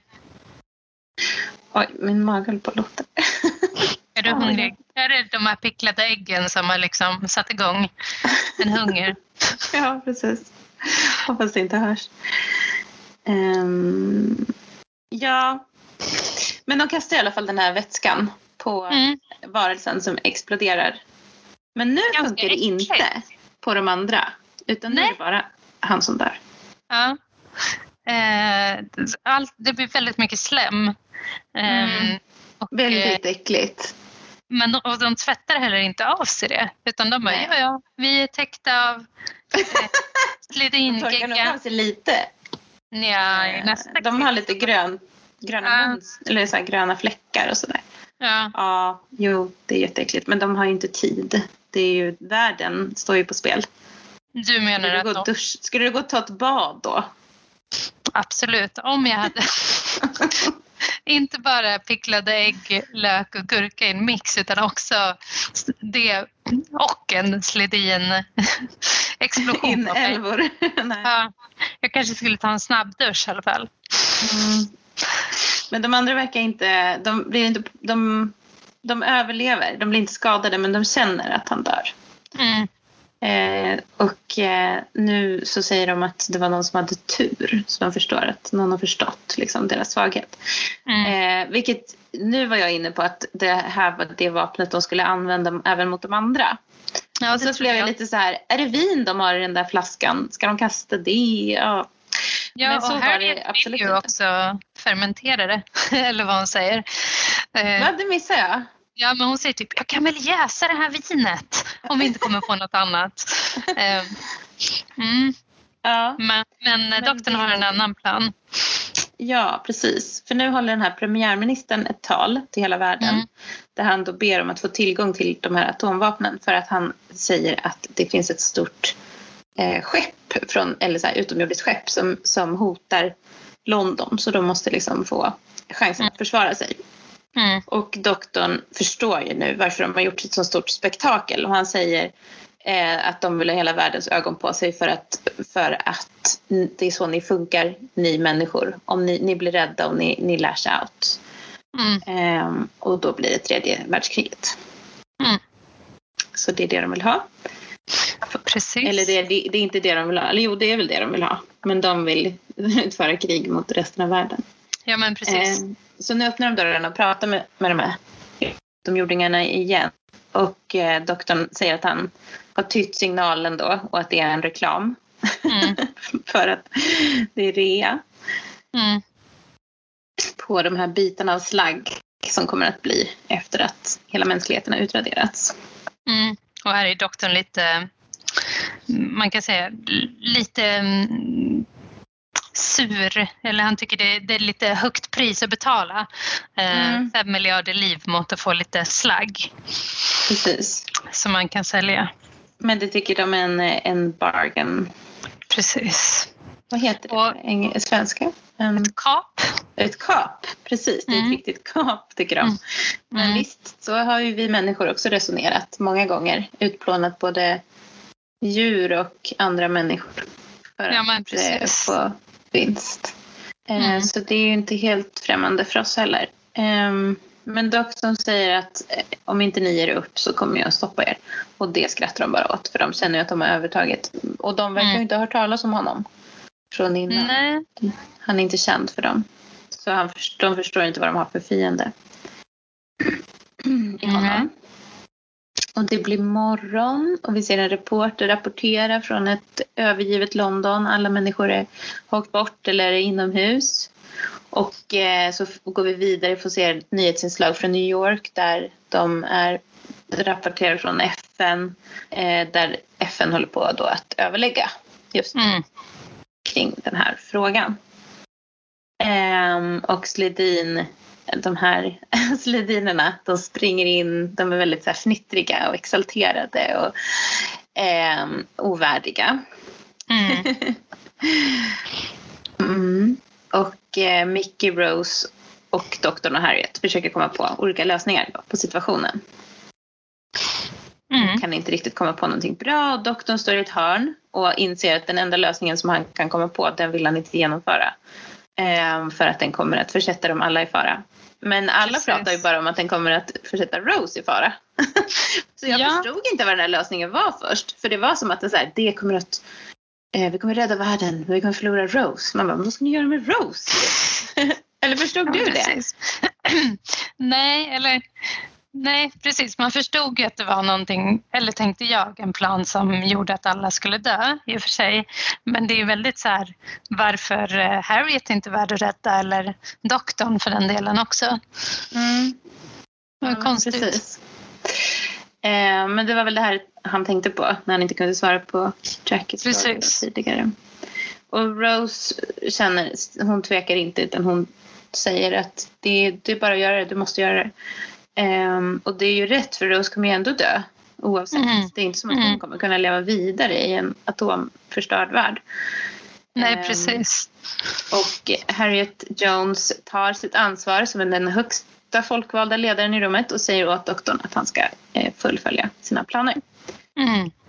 Och då blir ju också, man ser när, när eh, Harriet bestämmer åt doktorn att det här ska ske, då flinar doktorn på ett Mm. väldigt så här, alltså just det här att han nyss var jätteallvarlig och ville liksom, kan jag verkligen göra det här, kan jag utsätta den här Rose då, kärleken i mitt liv potentiellt, eh, för eh, för dödsfara, det bara glömmer han bort sådär. Och det är ju också en grej med doktorn att han älskar ju när det är eh, höga odds liksom Ja, på spel. Mm. ja, precis. Och han får köra på. Absolut, han får Mm. adrenalin och vill köra vidare. Ehm, Mm. Men man kan ju förstå, och Jackie är ju den som försöker få dem att ändra sig och säger att de måste rädda eh, Rose. Och eh, det kan man ju ändå förstå för att hon har ju precis fått tillbaka sin dotter från, från de döda. Hon har Mm. trott att, han, att, att Rose har varit död. Så det kan man ju ändå förstå som Mm. förälder. Ehm, pulsen går upp liksom helt. Alltså FN har bestämt sig för att godkänna attacken. Eh, och eh, Mickey då väl, får välja en missil som han bara klickar på för att skicka iväg mot Downing Street. Eh, på något sätt så, så vet den vart den ska åka. Och Mm. eh, de börjar prata om så här, okej den är på gång, man ser den åka. Eh, Harriet frågar hur, tror jag det är, att det, hon frågar hur de här väggarna skulle klara en attack och doktorn säger att de är inte byggda för en sån kraftig attack. Men Rose tänker att man kan tänka som när det är jordbävning. Man kan gömma sig i ett skåp. Mm. Så de gömmer sig i en garderob. Ehm, Vilket ju visar sig vara smart. Ja, precis. Eller? Tror du det spelar någon roll egentligen? För hela den där lådan verkar ju, hela rummet verkar ju klara sig från attacken. Ja, Nej, de kanske Ehm, bara ville Rose ville känna sig handlingskraftig där. Ja, Inte bara stå och vänta på att dö. Precis. Men det kanske ändå, det var väl bra att de satt i ett litet utrymme så de inte blev om, omkring skakade allt för mycket liksom. Ja men precis. Mm. Ja, är det inte det? Att man ska inte, ja du vet, jag har aldrig varit med om en jordbävning, men att man inte ska eh, skadas av fallande liksom, möbler Jo. och, Ja, och, och själv kastas runt hur som helst. ja, men det är väl det. Nej men det, ja. När man står i en sån här dörröppning så är det väl för att, precis för att den kommer hålla. Den kommer Ja, vara stabil liksom. Jag har ju i mitt huvud nu att man ska gömma sig under ett bord fast de pratar om dörröppning. Men Mm. ni hör ju, Men- den här överlevnadsexpert, inte någonting jag eh, har på Som mitt en visit. eh, expert då som har bott i San Francisco ett år där de har Mm. jordbävningar så vet jag att man ska ställa sig i en dörröppning. jag har också varit med om en, en jordbävning som var superkort. Det var typ såhär skak, skak och sen så var det inget mer. Så vi hann inte, hann inte ens springa till en dörröppning. Spännande. Ja, men då, känn, då förstår jag att du kunde leva dig in i den här... eh, Exakt. Ja. Eftersom jag var, nästan varit med om en liknande situation så kan jag. Nej. Ja. Ehm, ja, det är också typ att Micke avväpnar någon slags motattack mot den här missilen. ja. Ehm, Och så säger ja. doktorn, Mickey the idiot, the world is in your hand. Mm, Han uppskattar fortsätter. inte detta. Nej. Eh, soldaterna där nere upptäcker missilen och eh, springer upp för att rädda sina folkvalda politiker eh, och springer in då i ett någon slags naket eh, alienparty och det känns bara pinsamt och eh, awkward för alla. Ja. Så han reagerar då inte med att här aliens utan han bara eh, sorry och stänger dörren igen. Det är jätteroligt. Ja. Ja. Mm. Och de utrymmer huset. Och eh, det blir utbryter någon slags panik mellan eh, Sledin som försöker då, det, det där var min dräkt, eh, för de kan ju inte springa ut som de är, förstår de. Utan Mm. de måste klä på sig, men de borde kanske ha eh, struntat i, i kostymerna faktiskt. Precis. Hela huset exploderar och man Mm. förstår att utomjordingarna är bara ett minne blott. De har alla blivit gröngegga. Mm. Men doktorn, Rose och Harriet överlever.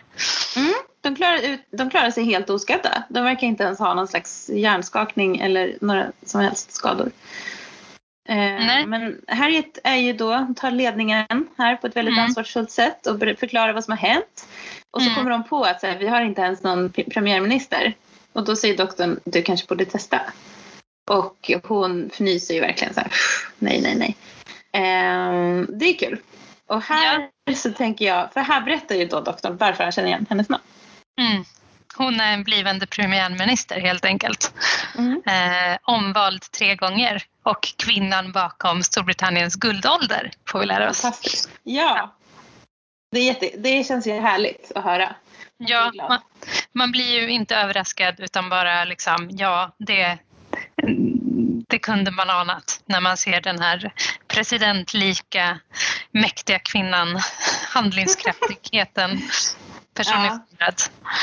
Ja, nej, men det känns ju bra och eh, känns väldigt optimistiskt. Mm. Men det känns också, eller jag tänker så här som svensk så kanske jag reagerar med att eh, hon är för gammal. Nej men vad ska hon bli? Eh, hur ska hon hinna vara premiärminister? Hon som är så, för att så som det ser ut i vårt land så är det ju, alla våra partiledare är ju typ mellan 30 och 50, i alla fall de kvinnliga. Ja, men jag tänker att hon är i Stefan Löfvens ålder. Ja men precis. Alltså hon är Ja. ju inte för gammal. Det är bara Nej. att vi har någon så här sjuk ungdomskult i Sverige som är liksom att eh, alla partiledare som i alla fall är kvinnor är skitsnygga influencers som har eh, jättefint hår och ja, nej men du vet. Vi har alla Ebba i våra... Jag tänker på Ebba just nu. Ja men Ebba, Annie Lööf. Eh, Mm. Nyamko är Nyamko också... Sabuni är Mm. också rätt snygg. Mm. Eh, sen finns det ju flera ministrar, eller liksom Alice Bah Kuhnke, Åsa Lindhagen, alltså Mm. Mm. you name it liksom. Många av dem, det är ju det där, eh, den stilen av politiker vi har. Ja, Eh, precis. så det, Harriet Jones är inte den typen. Men jag hade hellre Magdal- sett, hon är kanske Magdalena... Precis, hon är Magdalena Andersson. Ja, Magdalena Andersson kanske lite mer åt det hållet. Mm. Kanske. Mm. Men det känns jättekul. Jag, är inte för influencerpolitiker utan jag tycker att det är bra. att, eh, Du är team Harriet, helt enkelt. Ja, absolut. Ja. Harriet. Mm. Team Stefan kanske. Han är inte heller Mm. så influenceraktig. Nej, En av hans starka eh, sidor. han är ju också en man och Ja, eh, men det känns ju precis. fantastiskt med en kvinna. Nu har ju Storbritannien haft en kvinna som premiärminister men Mm. vi hade ju, det var ju kanske, har de haft två? Ja, men Theresa May. Ja men gud, Theresa May, men hon var så kort. Ja, Men det är inte heller de, de roligaste kvinnorna kanske, eller de man vill stå bakom. nej, nej, det är det man ska komma ihåg när man pratar om vikten av kvinnliga, att ha kvinnliga ledare. Det kan vara en Margaret Thatcher och det kan vara en Theresa May också. Precis. Eller Annie Lööf. Väl inte Annie Lööf som statsminister. In, Okej, man vill inte ha vem som helst. Ja men nu blev det väldigt politiskt. Nu fick vi Ja, veta. Att vi, vi, ni fick bara höra hat, inget, inte vad vi gillar. Nej. Förutom Harriet Jones. eh, Potentiellt ja, Magdalena Andersson. Eh, potentiellt. första gången jag har sagt det. Okej, Just eh, det. från det politiska spelet till eh, London 2005. Vi ser att eh, Rose och Jackie återförenas. Mm, Och doktorn och Tardisen återförenas också. Precis. Man känner ju att eh, stämningen när han kommer hem till Tardisen är typ så här yes, vad ska vi nu på för nya uppdrag? Eller jag tycker det, att han verkar så här Ja, väldigt så här pigg och inte så här Ja. nu, oh shit vad jag har varit med om. Eh, jag trodde jag skulle dö, jag trodde hela jorden skulle utraderas. Nu måste jag lägga mig och vila ett tag. Utan han bara, "Nej, nu ska jag börja fixa lite med olika grejer här. eh, medan Jackie och Rose kramas jättefint och sen så sitter de och tittar på TV och eh, de ser ju också Harriet Jones när hon pratar om vad som har hänt och Mm. eh, Jackie ställer sig och typ tjurar och liksom så skäller ut henne lite. Och där känner jag att det, är väl lite så man eh, lyssnar på kvinnliga politiker också. Alltså, Mm. det är så det låter. Bara, Mm. Lyssna på henne, hon bara tar åt sig äran, bla bla bla. Nu Mm. är det ju liksom att Jackie har ju någon slags grund för det här eftersom hon vet att Rose och doktorn var med och hon tycker att de borde få ta åt sig äran, typ ett mamma. Mm. Men eh, ja, jag kände ändå att det, här, det är så det låter gärna när det är en, en kvinna som på en maktposition. Mm. Ja, sant. Dessvärre. men men ehm, då, men de börjar ändå prata liksom om det här, om, om doktorn. Och eh, det visar sig ändå att Jackie vill, bjuda, hon vill försöka bjuda till. Hon vill lära känna doktorn, jag måste liksom få veta den nya delen av ditt liv. Mm. veta mer om det. Så hon vill bjuda honom på middag. Mm. Vilket är så himla fint, tycker jag. Ja, Vi ska alla äta middag. Jag kände att Mickey ska också vara med såklart. ja, men verkligen. Att de ska äta shepherd's pie och de ska dricka amaretto. Och, ja, just det. Du gillar ju amaretto. ja, fast ja, mera i drinkar än bara amaretto. Som jag Ja. tänker att de... Men ändå. ja, ändå. Men eh, då sabbar ju han allt det här, jäkla doktorn. Och ringer upp från Tardisen. Och Det är ju, bara så här, var redo om några timmar, Ja. då åker vi.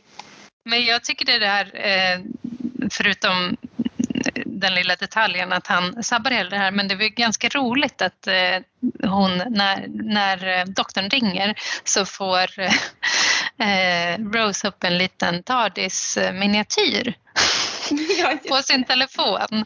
TARDIS calling. Med en Mm. liten, det kändes väldigt roligt tyckte jag. Jag vet Ja. inte om det här var high-tech då eller om det skulle vara roligt även då. Men Eh, nej, jag vet inte heller. Men hon, han måste ha lagt in Tardisens nummer för hon, hade ju, hon visste ju inte ens att det fanns Ja. telefoner. Jag kan faktiskt eh, avslöja att det här är första gången i Dr. Who's historia som det visar sig finnas en telefon i TARDISen. Så att, Mhm. Spännande. bara en sån sak. Ja, men, ja, men det är ju eh, kul. Ja, men, Ehm, men han ställer ju han, han ställer ju ett ultimatum här. mm, Eh, han verkar ju inte heller förstå att hon kanske också behöver vila. De har väl varit vaken i flera dygn. Eller i alla Ja. fall, jag vet inte hur länge. Sen den här attacken påbörjades och liksom varit utsatt för livsfara också. Nej men han bara förväntar sig att hon är redo för nya ja, men också att han, är så här, han säger någonting så här, ja men eh, Rose säger ju att mamma vill eh, laga, bjuda på middag och han bara, eh, I don't do parents.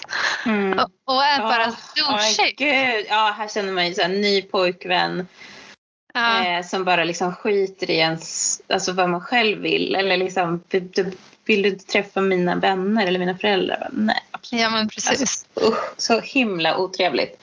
Ja. Ehm, och jag hörde innan, ja, innan podd eh, som jag lyssnade på nyss så jämförde de när doktorn beter sig så här eh, med Jess i Gilmore Girls. De bara, det är Jess Mhm. som är en så här väldigt om ni har sett eh, Gilmore Girls så är ju han eh, inte en svärmors dröm direkt. Jess. Nej, jag har ju inte sett Gilmore Girls så mycket men eh, jag vet vem, jag vet vem som spelar honom. Mm. Eller jag vet vem han är. Jag vet hur han ser ut. Han har läderjacka precis som Han är den doktorn. farliga killen. Ja, pre- precis som doktorn, eller vad säger men jag vet inte om doktorn är den farliga killen. Men han jobbar hårt för att liksom eh, porträtteras som den farliga pojkvännen som... Mm. Ja, men verkligen bara skiter i allting. Nej men det är Mm. jättetråkigt.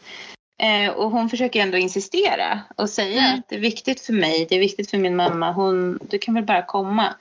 Och han bara gör inte det. Han kan inte gå med på det. Det är så Nej. dåligt. Ja, och just när vi vet från förra avsnittet att hon har varit borta ett helt år, att det var ganska kä- känslomässigt jobbigt, inte bara för eh, Jackie och Mickey såklart, utan även för Rose när hon inser att de ehm, har saknat henne och varit Mm. livrädda för att hon ska blivit kidnappad och dödad och allt möjligt. Så kan Mm. han inte ens bjuda på en middag. Nej, Alltså det, det, är, ah, det är dåligt. Det är verkligen, man undrar varför han är så himla emot det. Vad är det som Ja. händer här egentligen? Han eh, så himla skadad av sitt förflutna eller nu försöker jag kan vi laga honom? Can we fix him? Mm.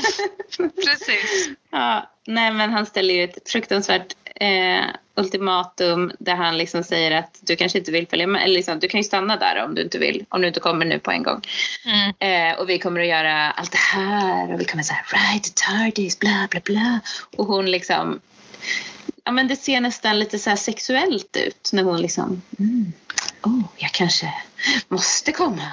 eller vet inte. Ja, men också alltså, egentligen så manipulerar ju han henne. Alltså det är ju verkligen en så här hur eh, ja, men han spelar ut ett han, hon tror ju att hon vill lämna dem. Hon står på sig och vill träffa sin familj helt enkelt. Alltså Mm. det är så manipulativt. Ja, det är faktiskt skit dåligt. Mm. Och sen kommer ju Jackie ut och hon är så glad och hon börjar förbereda den här middagen. Och så eh, ser hon, hittar hon inte Rose och så går hon in i Rose rum och så håller hon på och packar. Tycker Mm. man så himla synd om henne. Mm. Ja. Och så nere vid Tardisen så sitter Mickey på en soptunna och läser tidningen. Där det står att allt som har hänt bara är en bluff. Ehm, och där tänkte jag bara en liten parentes. Undrar vad det kommer göra för Harriets eh, trovärdighet. Men nu får vi ju veta att hon ska bli premiärminister så det kanske är lugnt. Men Ja, men om hon precis. står där och bara God bless the human race. Och sen, sen så ehm, visar det sig att det var en bluff så kanske hon kommer att framställas som en idiot. Jag vet inte. Ja.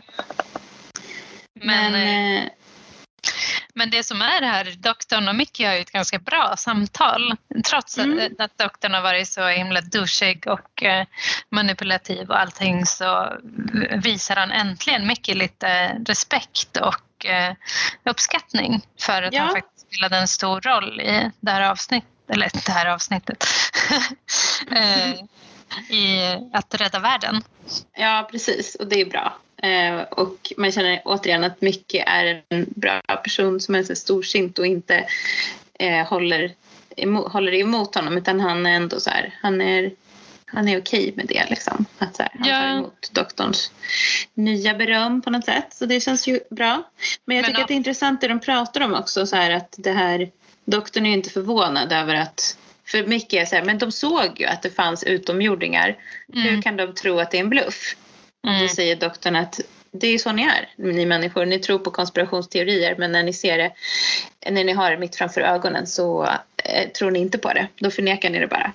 Mm. Och det är ju lite så det är.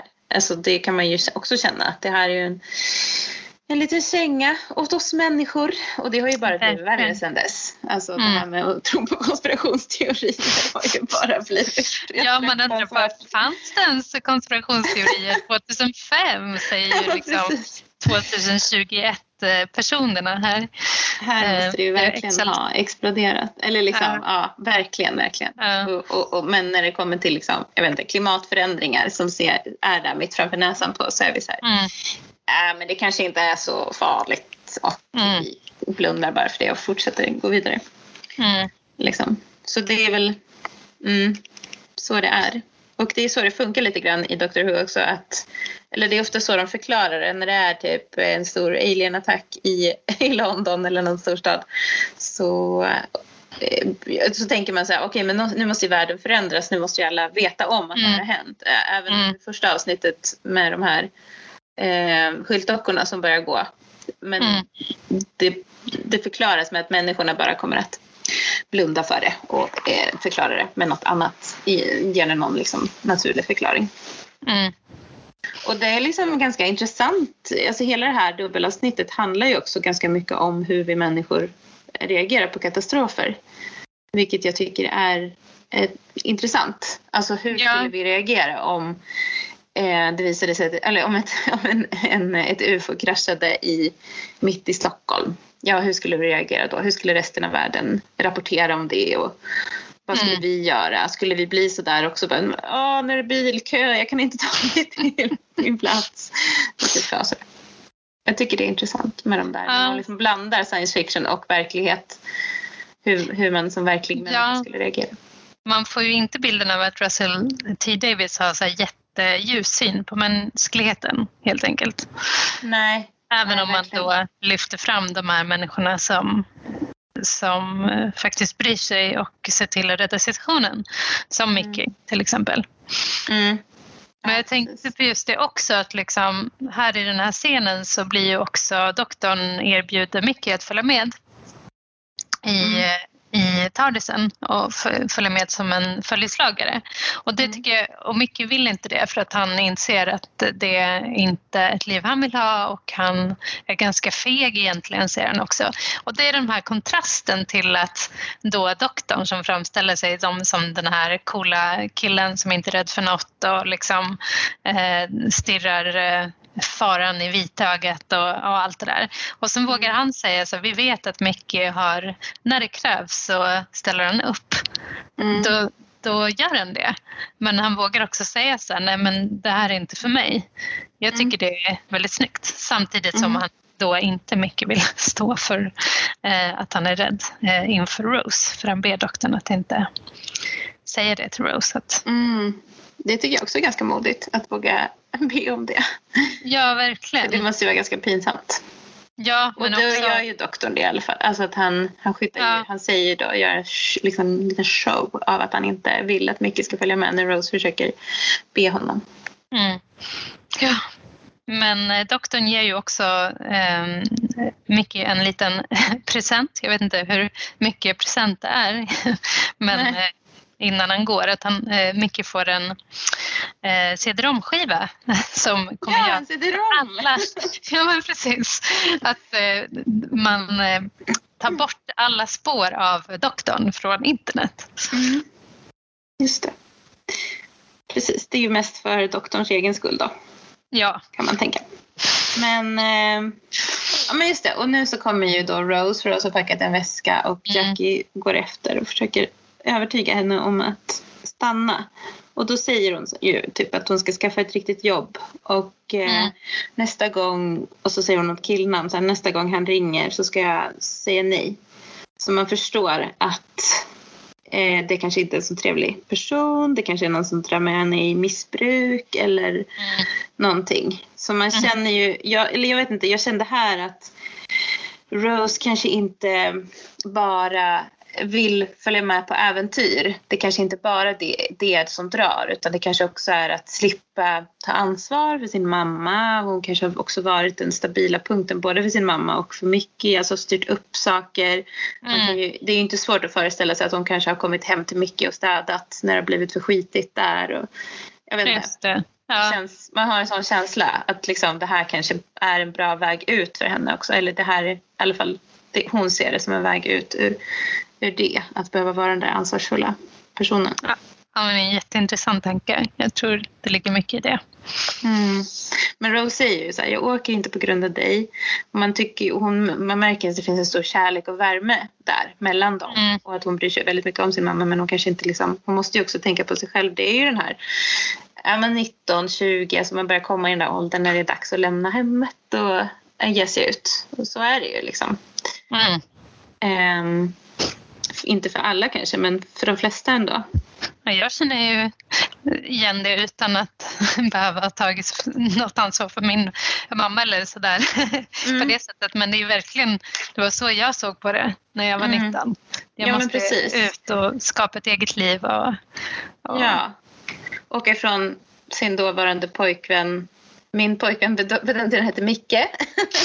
Jättesnäll och Det är därför kille, du känner liksom. så starkt för nej. Ja, det kanske ja. är. Han var lite slacker också. Eh, ja. Supersnäll, su supergullig liksom. Men vi hade liksom inte kanske samma framtidsplaner. Mm. Mm. Men, eh, men ja, men man tycker ju fortfarande synd om Jackie. För att hon har precis fått tillbaka henne och helt plötsligt ska hon åka igen. Och hon ja, vet det, inte. Det och Rose, man känner ju här att Rose också lovar lite för mycket och säger att det är en tidsmaskin, jag kan vara tillbaka om tio sekunder, det är inga problem. Mm. Um, och man ser att doktorn står i bakgrunden och bara hm? Eh, säger ingenting. Han är väldigt tveksam till det här löftet. Um, ja. Så åker de iväg och så står de där och väntar och, och Jackie eh, tittar på klockan och räknar sekunderna. Och sen så går det tio sekunder och så kommer de inte tillbaka. Mm. Mm. Så går hon in och Mickey sätter sig där. Han verkar som att han tänker att han kan vänta lite till. Mm. Men det han känns ändå som... ja, han har ju varit en. Eh, men det känns ändå som att han, eh, det är ett bättre farväl för honom den här gången än förra gången det är det väl för dem alla. Men ja. just att han, han, eh, ja men han förstår kanske att det kommer inte bli han och Rose igen. Och eh, alltså det vet vi ju inte riktigt. Men han, förmodligen kanske så mm. känns det som att hon, hon, hon har vuxit ifrån honom på något mm. sätt. Hon har blivit förändrad av, av sin resa. Och eh, mm. han känns ändå mer så i balans liksom. Alltså, det mm. känns bättre för honom nu. Och han kommer inte heller bli anklagad för att ha mördat henne så han kanske kan börja dejta andra. Ja men precis. Men sen så får ju han också, han har ju själv eh, en del lite mer aktiv i det här beslutet. Han kunde följa med om han ville och han mm. vet var hon ska. Så det är ett helt annat typ av avsked än förut. Mm.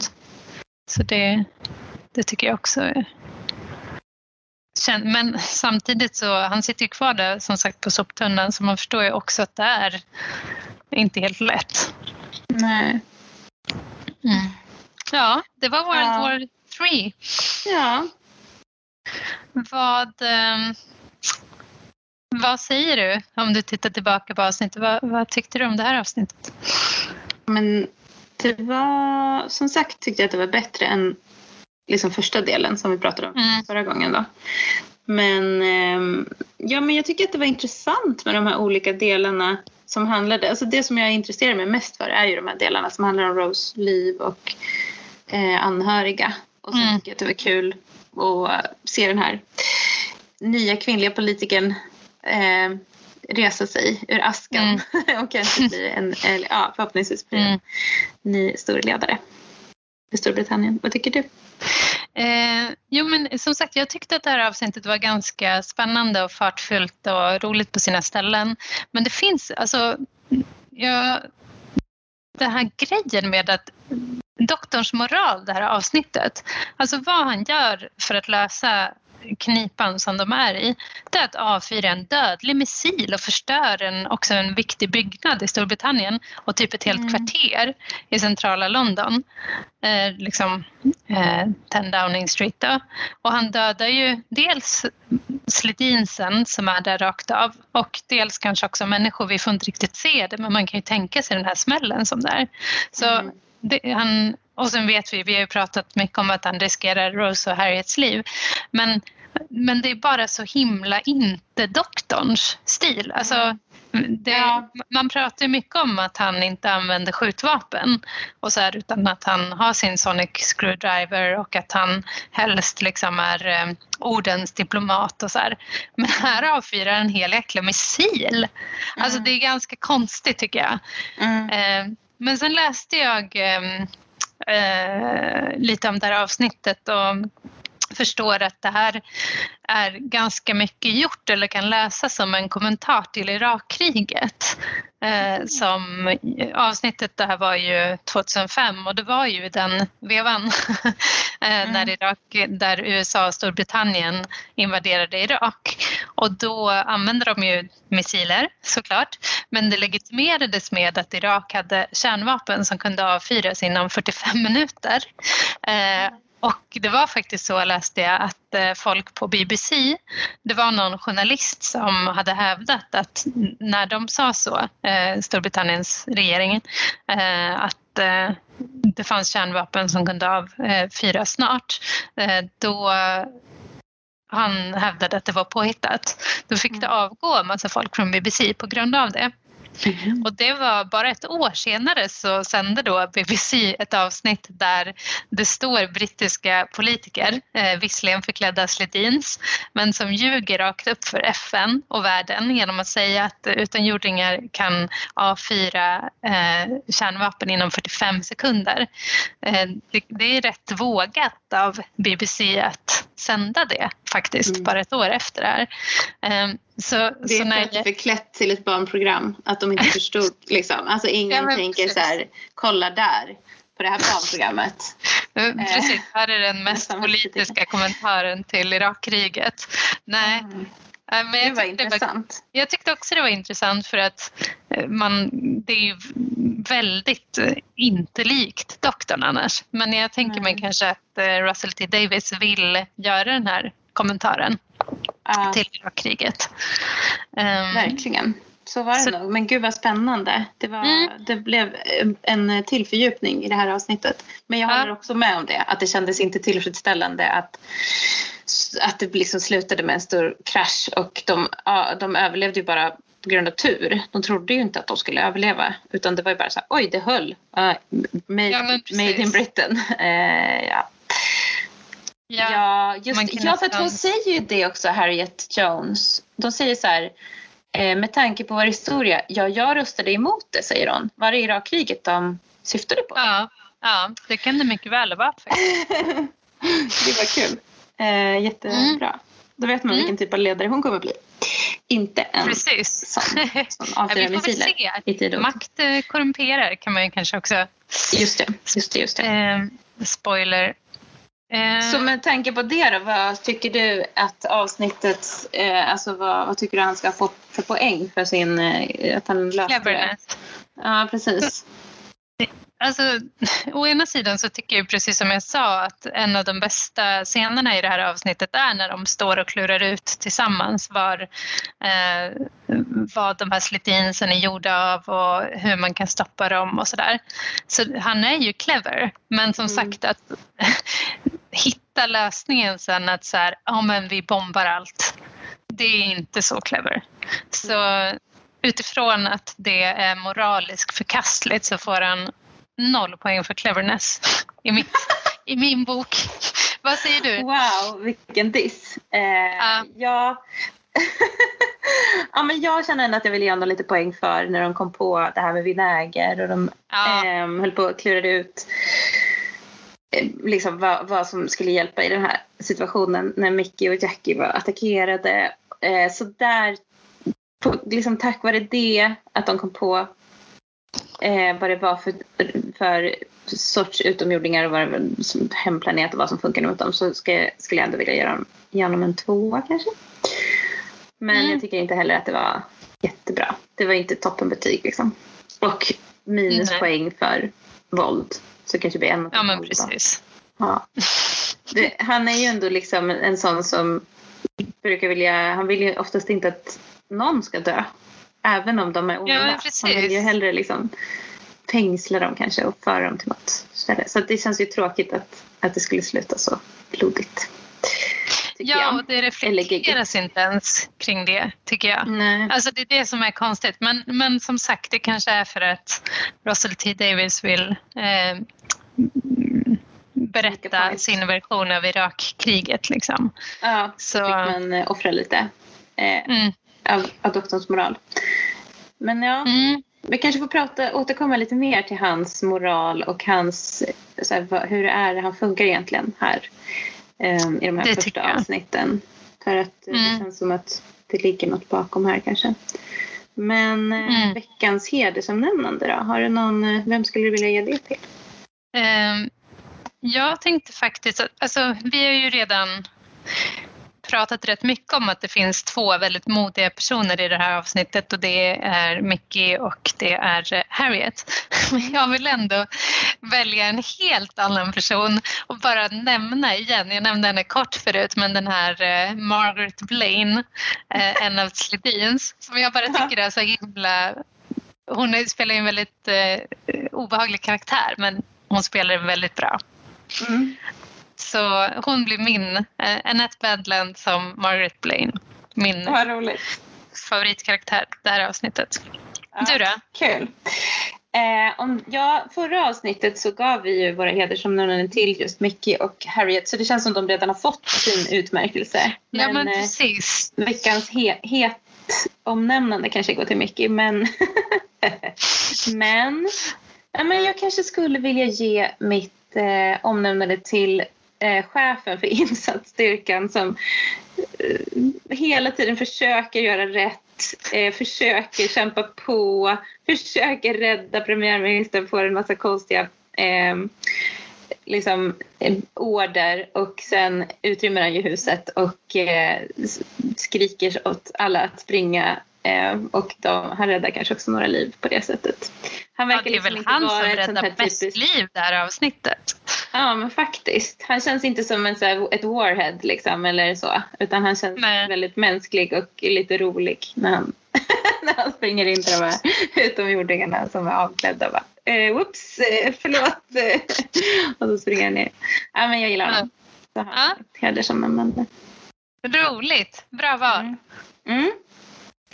Men då ska vi väl ta wrap this up och eh, då kan vi också säga att ni får jättegärna mejla till oss på drwho-podden gmail.com eh, Mm. och vi kan ju säga då att om ni har redan gjort det och vi inte har tagit upp ert mejl så är det för att vi har spelat in en hel del avsnitt lite i förväg innan vi började släppa dem så att vi har då ännu inte fått dem.